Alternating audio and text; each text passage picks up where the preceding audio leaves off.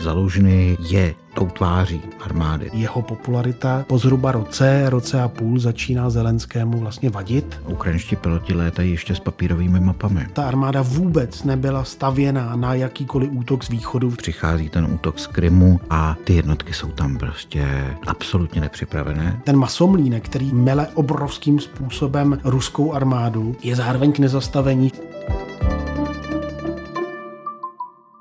Dobrý den, na úvod se chceme omluvit, že s bonusem k díle o generálu Zalužnému přicházíme až o trochu později, ale dění je opravdu turbulentní. Velká detektivka o tom, jestli ho eh, prezident Zelenský odvolá nebo neodvolá, je u konce. Já jsem si teda trošku připadal jako v pohádce o pišné princezně. Odvolávám, co jsem odvolal a slibuji, co jsem slíbil. Byla to sága velmi dlouhá, nakonec tedy ve čtvrtek večer se to uskutečnilo. Přičemž vlastně ještě ta první zpráva ve čtvrtek odpoledne, kdy jsme si právě psali, že teda asi budeme muset předělat eh, bonus, tak tam to ani vlastně nebylo, že teda opravdu odchází.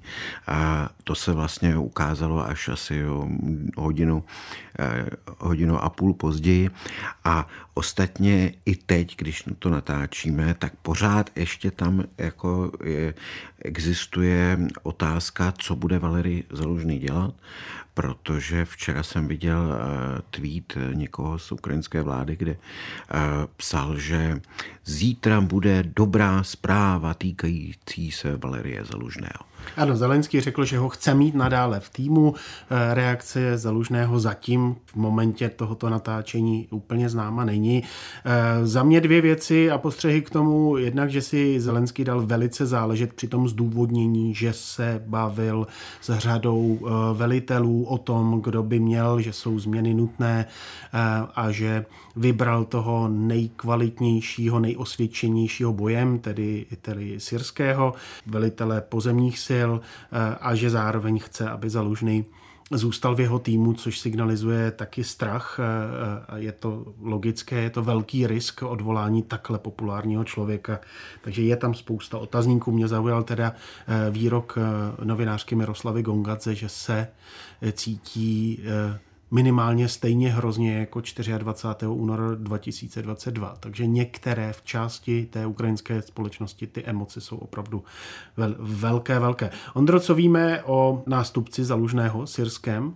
Tak je to právě eh, velmi zkušený eh, generál, který vlastně prošel těmi boji eh, v roce 2014, 2015 jsou na něj jako rozdílné názory a zhruba tak jako půl na půl, aspoň mezi mými eh, známými. Eh, někdo říká, že je to jako skvělý a nesmírně pracovitý generál, který má obrovské zkušenosti.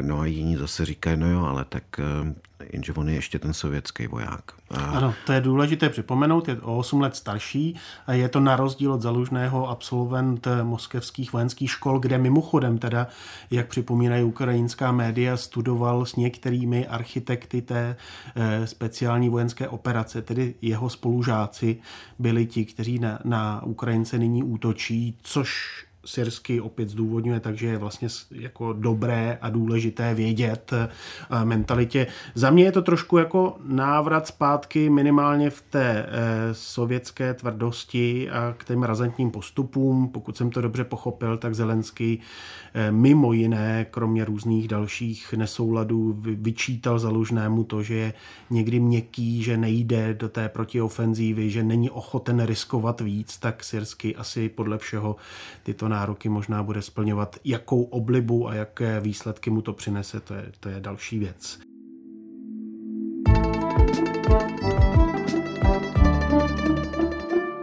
Pojďme se posunout, Andro, k nějakým těm typům, které vždycky slibujeme posluchačům, co si tedy přečíst o Zalužném a o celé jeho éře. Já možná začnu tím, že eh, určitě stojí za to časopis Time, který už v roce 2022, nemýlím-li se, tak na podzim dal na titulku právě Valerie Zalužného a popisoval, a ten text je velmi zajímavý, je to Simon Schuster, popisoval vlastně celou tu jeho anabázi kolem obrany Kijeva a, a rozhovor s ním a spousta, spousta připomíná také detaily z jeho života. Zalužný chtěl být v dětství a v dospívání hercem a dokonce snad komikem, což je vtipné v kontrastu s hercem, komikem, který ho odvolává, který se stal prezidentem, tedy Zelenským. No a pak jsou tady možná důležité asi texty, které Zalužný napsal? Přesně tak, eh, protože ony ty rozhovory, který on prostě poskytl vlastně relativně málo, tak mnohem zajímavější byly k tomu eh, texty, které jako psal on. On se je dával i třeba na stránky ministerstva eh, obrany. Eh, ten první byl v časopisu Economist, kde to krom, už je loňský rok, To už je loňský, to je loňský ano. podzim.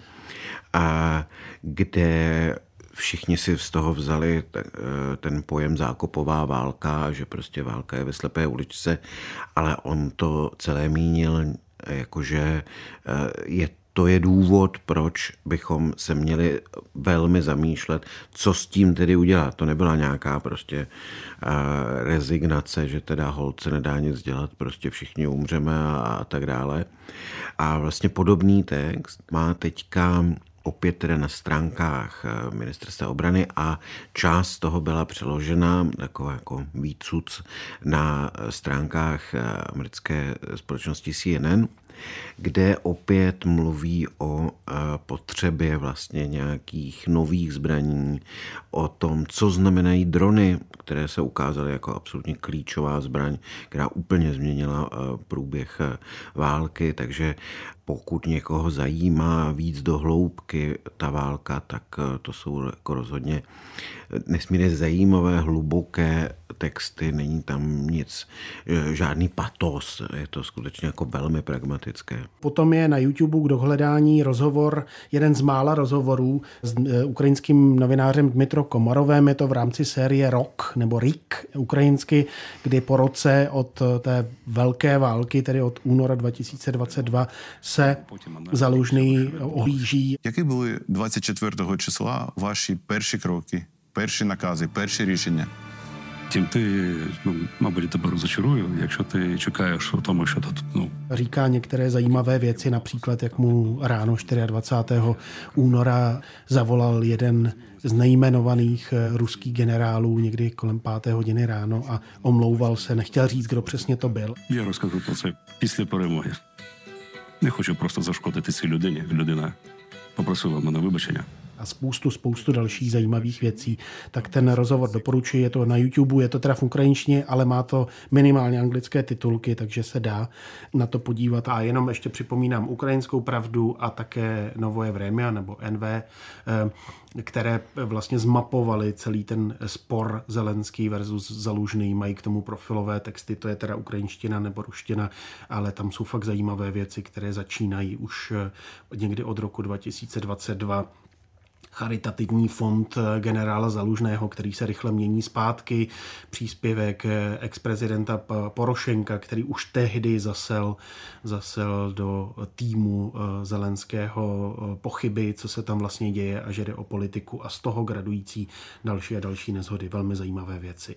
Možná ještě na, na závěr tedy Simon Schuster a knížka Showman o Zelenském, ve které je generálu Zalužnému taky věnována pozornost. Sečteno, potrženo, Zalužný sice není úplně veřejnou osobou a moc toho k němu není, ale tyto zmíněné věci vám určitě napoví.